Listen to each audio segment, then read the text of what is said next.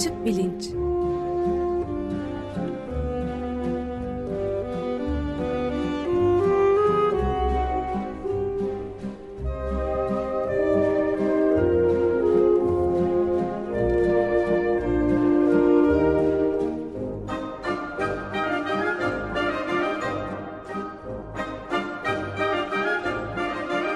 Güven Güzeldere ile bilim ve felsefe sohbetleri. Günaydın Güven Bey, merhabalar. Günaydın Ömer Bey. Bugün çok e, yakın tanıdığımız bir dostumuz, programcımız Hakan Gürvit'i konuk ediyoruz. Geri kalanını sizden dinleyelim bilgileri. Memnuniyetle. Hoş geldin Hakan. Merhaba. E, merhabalar, günaydın efendim.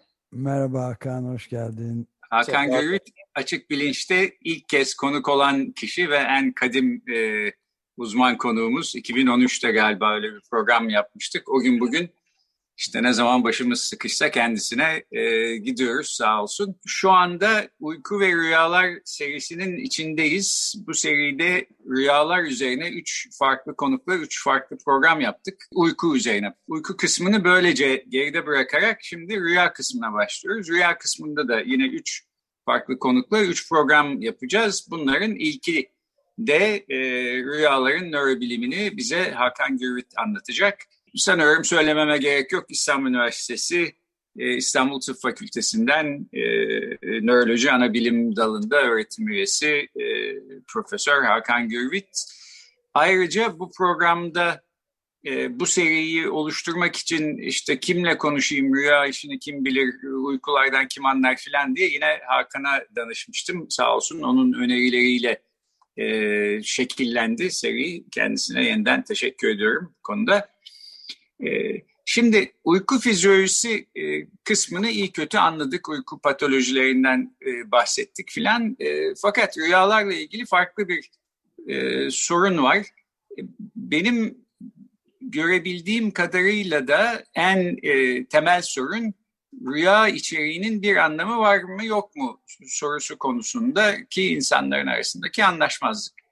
Yani bence şöyle düşünülebilir. Ya rüyaların tabii ki bir anlamı var. Yani hepimizin çok anlamlı bulduğu e, bir takım rüyalar hayatında olmuştur. Bazılarımız belki hatırlamıyoruz rüyalarımızı ama hatırladığımız rüyalar arasında mutlaka anlamlı olan olmuştur. Bu, bu nasıl bir soru diye sorulabilir.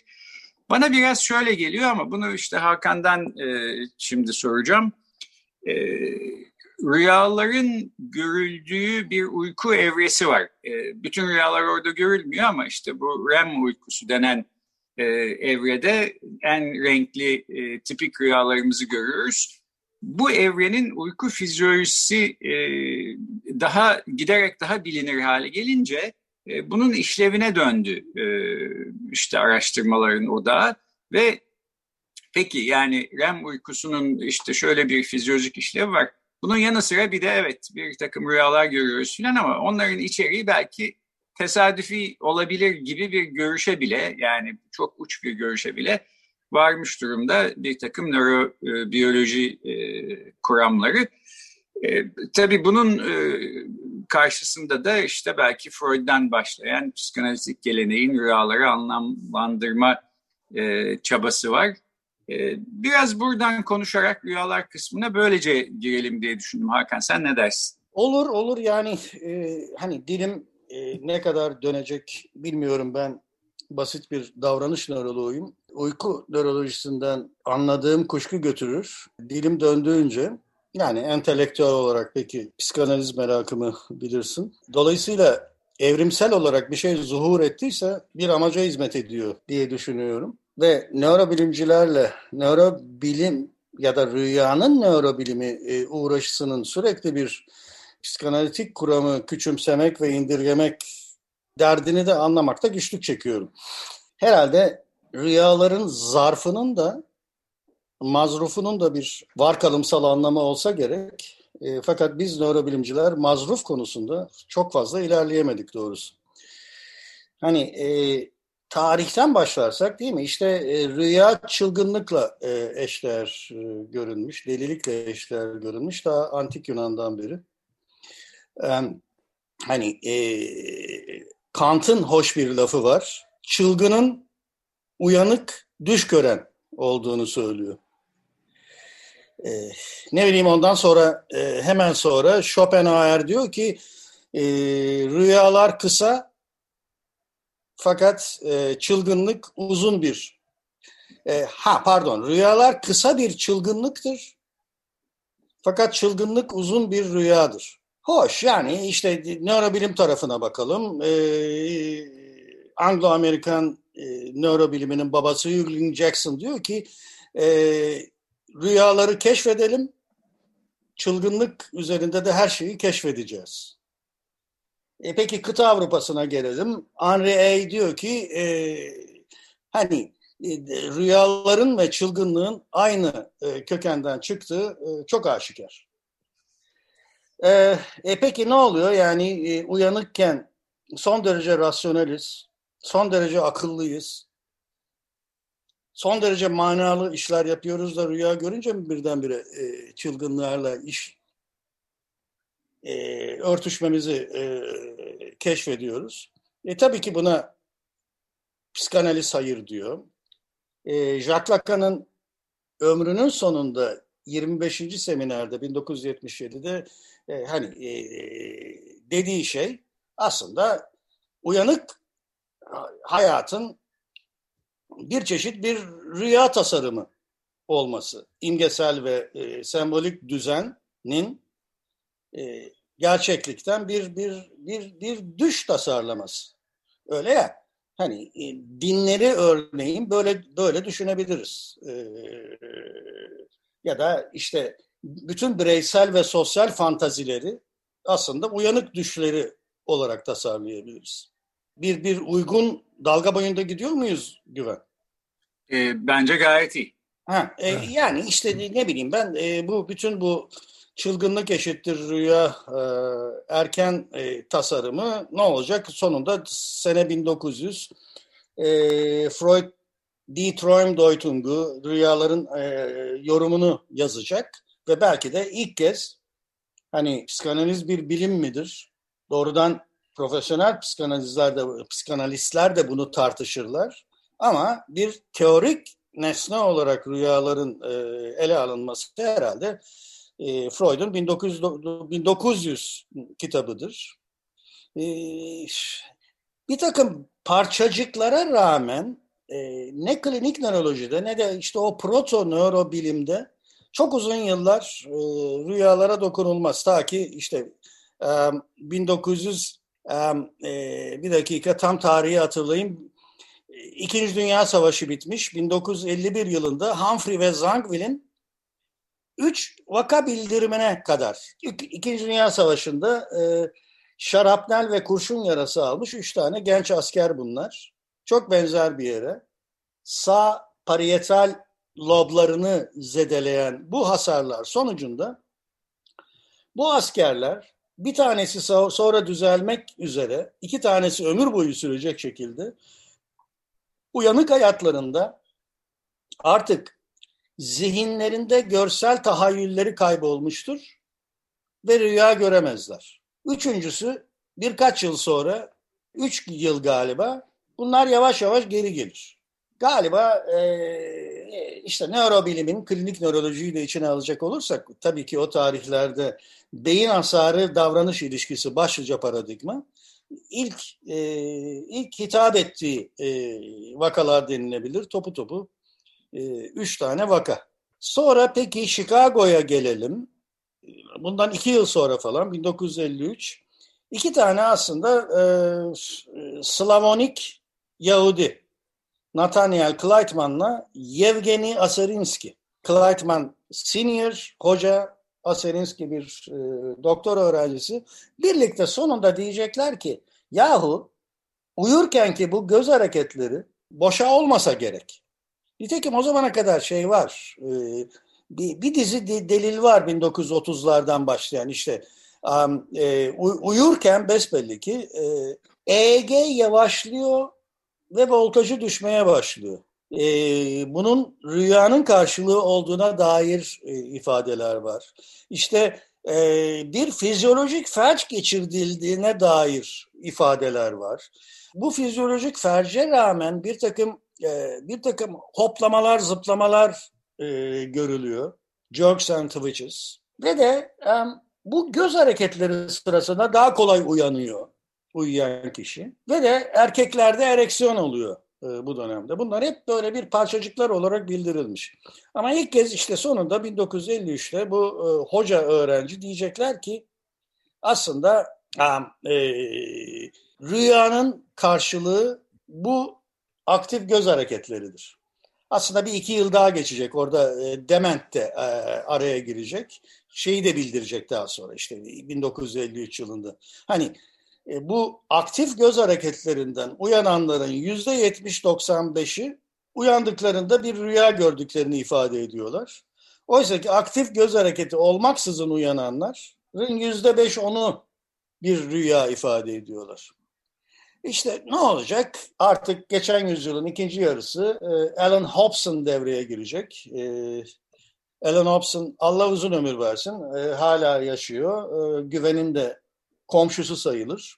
Herhalde aktif hala değil mi Güven? Şey mi? E, e, yoksa bir emeritus olarak bir aktivite gösteriyor olmalı. Emekli oldu yani hiç ortalıkta birkaç senedir görmüyorum ama yakın zamana kadar aktifti. Yani nereden baksak adam e, şu anda 91 yaşında falan olmalı.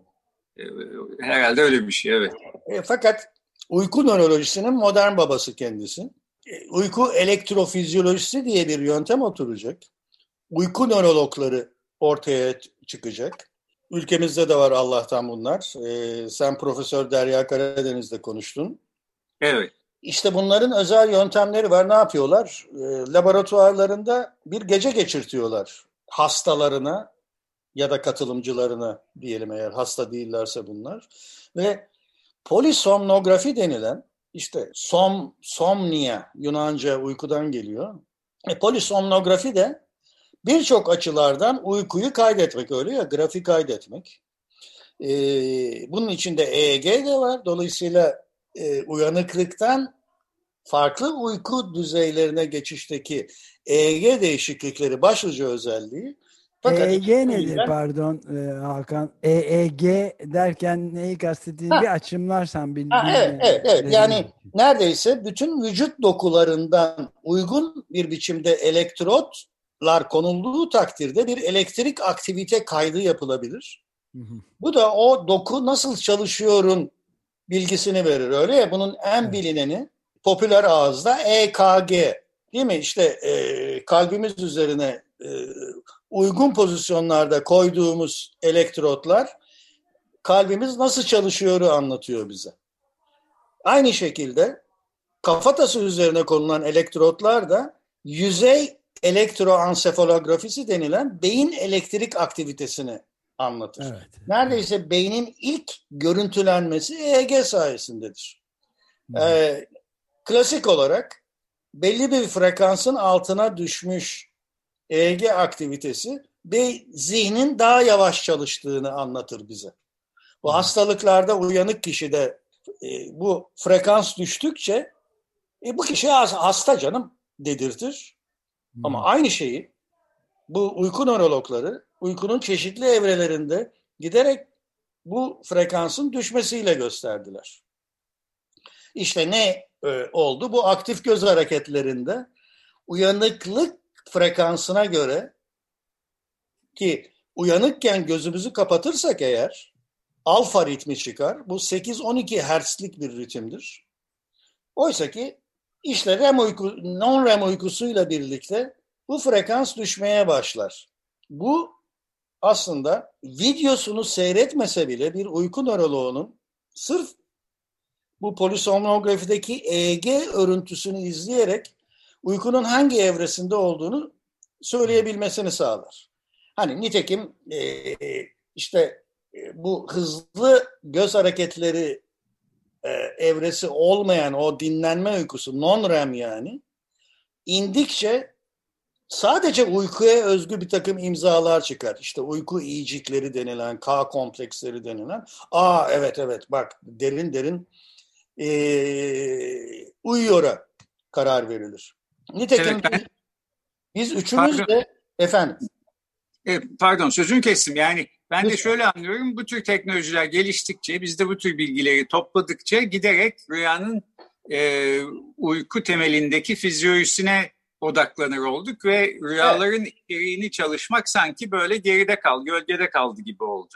Tam da öyle. Yani bu uykunun zarfı, mazrufu değil. Hmm. Hani mazrufuyla, evet. mazrufuyla galiba birkaç e, teşebbüs dışında bir tek psikanalizle uğraşmış durumda. O da ta 1900 yılında Detroit Deutung'la, Freud'la e, başlayan bir şey. Ha, hani e, neuroscience sahiden hitap edebilir mi rüyanın mazrufuna o ayrı bir e, tartışma. Onu, onu da e, yapmaya gayret edelim. Her neyse giderek daha tekamül eden bir e, uyku nörolojisi. Yani neyin REM, neyin non-REM olduğunu gayet iyi biliyoruz. Dolayısıyla uyku hastalıklarını da daha iyi karakterize ediyoruz. Şimdi besbelli ki e, ge, özellikle omurgalı evriminde art, e, yükseldikçe hele insana gelince aslında e, dünya yüzündeki var kalmanın üç statüsü var. Bir uyanığız, bir REM uykusundayız, bir de non-REM uykusundayız. Aslında uyku ve uyanıklığa diurnal ritim deniyor. Bu epeyce e, işte hipotalamus aracılığıyla ışıkla tetiklenen bir şey. Işık ve karanlıkla. Ama aynı zamanda karanlıkta bir ondan belirlenmeyen e, uyku boyunca süren bir ritim var. Buna da ultra diyen ritim deniyor. Yani uykunun ilk saatlerinde non-REM daha baskın, gecenin ikinci yarısında, uykunun ikinci yarısında REM daha baskın hale gel- geliyor. Enteresan. Muhtemelen bu ultra diyen ritmi yüksek memelilerle, primatlarla paylaşıyoruz. Hani böyle bir diurnal ve ultra diyen e, ritimler olduğuna göre aslında bunların var kalımsal bir e, manası da olsa gerek tabii ki evrimsel e, biyolojiye göre. E, hani primatlardan aldığımız bu REM uykusu uyumak ya da rüya görmek zorunluluğu insanın sembolik bir tür, konuşan bir tür olmasıyla birlikte içeriğinin kazandığı sembolik manayı hitap edebilme zorunluluğu var nörobilimin fakat bunu yapamadığını söylemeye çalışıyorum. Bunu şimdiye kadar tek yapan psikanaliz. Evet aslında ben de onu sormak isterim. Bu benim hep e, merakımı celbeden bir konu olmuştur. Özellikle mesela e, Alan Hobson'ın da psikiyatri bölümü öğretim üyesi olduğu filan da düşünülürse. Hı hı. Yani nörobilimcilerin, hele hele psikiyatristlerin senin deyimiyle, deyiminle rüyaların zarfının yanı sıra mazrufuyla da ilgilenmeleri lazım. Burada hani doğal olarak insanın ilgisini çekmesi gereken bir durum söz konusu. E, nörobilim bunu yapmıyor. Yani niye yapmıyor bir soru. E, hadi yapmıyor'nun ötesinde aslında rüyanın mazrufunun bir anlamı yoktur e, diye daha kuvvetli bir iddiada da bulunuyorlar.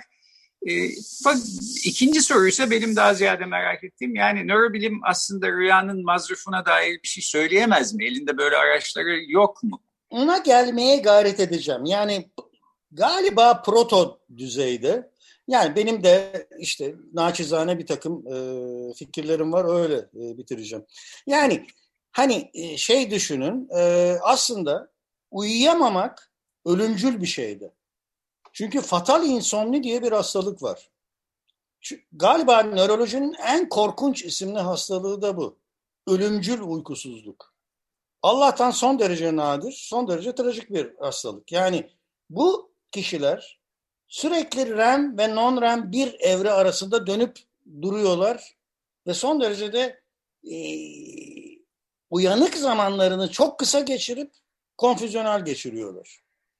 Ve e, aylar içinde de yatağa bağlanıyorlar. Çok uzun süreli e, kalıyorlar ve işte bu bir e, prion hastalığı hani en e, tipik şekli Creutzfeldt-Jakob olan ama Creutzfeldt-Jakob'un bir değişikliği. E, kurda kuşa can verenin şu tuhaf hallerine bakın ki prion proteinindeki aynı mutasyon 178. pozisyonunda D yerine N girmesi, D178N mutasyonu eğer aynı kişi aynı genin 129. kodonunda metionini homozigot taşıyorsa fatal insomniye neden oluyor. Yok heterozigot taşıyıp da bir tane valin kopyası taşıyorsa hiç ona benzemeyen klinik olarak Creutzfeldt-Jakob'un ailevi halini alıyor. Yani aslında konumuz o değil ama beni her zaman şey eden, e, yerlere yapıştıran müthiş bir e, şeydir bu. Bir amino asit nelere bedel. E, peki devamla aslında e, uyku nörologları parasomnilerle uğraşıyorlar.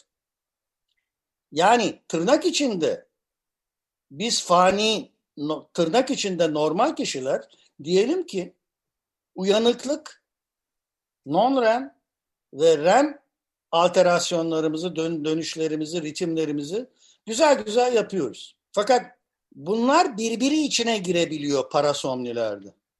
Mesela um, REM'de o vahşi uykularda işte bütün o sıçrayıp atlamalar bir fizyolojik felç sayesinde mümkün oluyor. Dedim ya 1930'ların başında bu atoni denilen şeyi e, fark edilmişti zaten. Beyin sapında bir bir jeneratör var ki e, bütün iskelet kasını sadece diyafragma nefes almak için, sadece gözler, göz hareketleri olabilsin diye. Hani bir de erkeklerde ereksiyon olabiliyor. Bu ille de bir bir e, bir cinsel içeriğin karşılığı değil. Fakat evrim erkeklerde REM uykusu sırasında ereksiyon olmasını mümkün bırakıyor.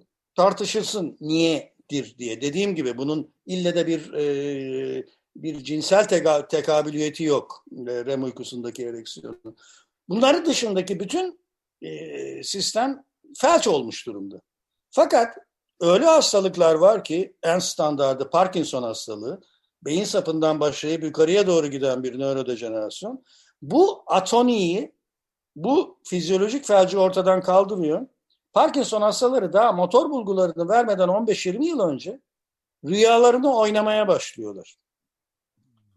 İşte e, bağırıyorlar, çağırıyorlar rüyada, yatak partnerine tokat ve tekme atıyorlar el ve ayak hareketleri nedeniyle giderek yataktan düşüyorlar daha gross hareketler yaparlarsa. Buna da REM uykusu davranış bozukluğu deniyor. E, bu nedir? REM'le uyanıklığın birbiri içine girmesi. Başka? Öyle ya. Um, e, şu tuhaflığa bakın ki REM uykusunda felç geçiriyoruz. Uyanınca bu felcin kalkması lazım. Sleep paralysis, uyku paralizisi diye bir şey var. Uyanıyoruz fakat elimizi kolumuzu hareket ettiremiyoruz. Hala o REM atonisi sürüyor. Dehşetengiz bir yaşantılamadır bu e, yaşayan kişi için sahiden. İşte bunlar REM'le uyanıklığın birbiri arasına girmesi, o e, uykuda yürümek klasik bir non-REM, REM birbiri içine girmesidir. Fakat son derece tuhaf bir şey vardır.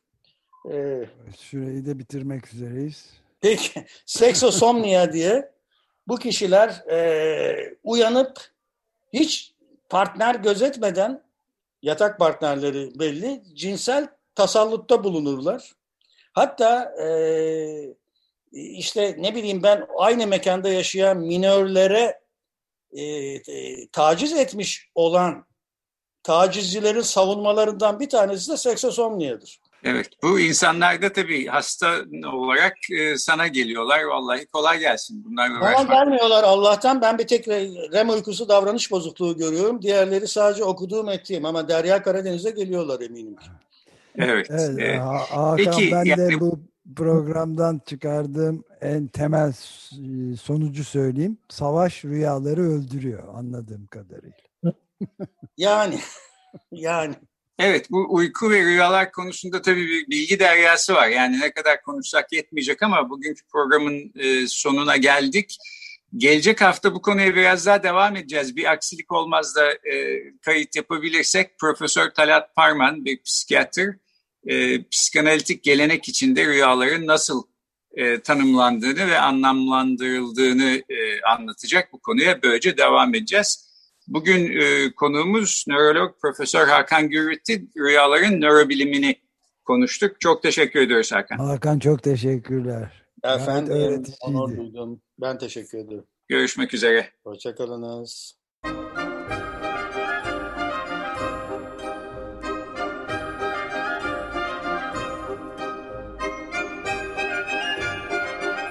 Açık Bilinç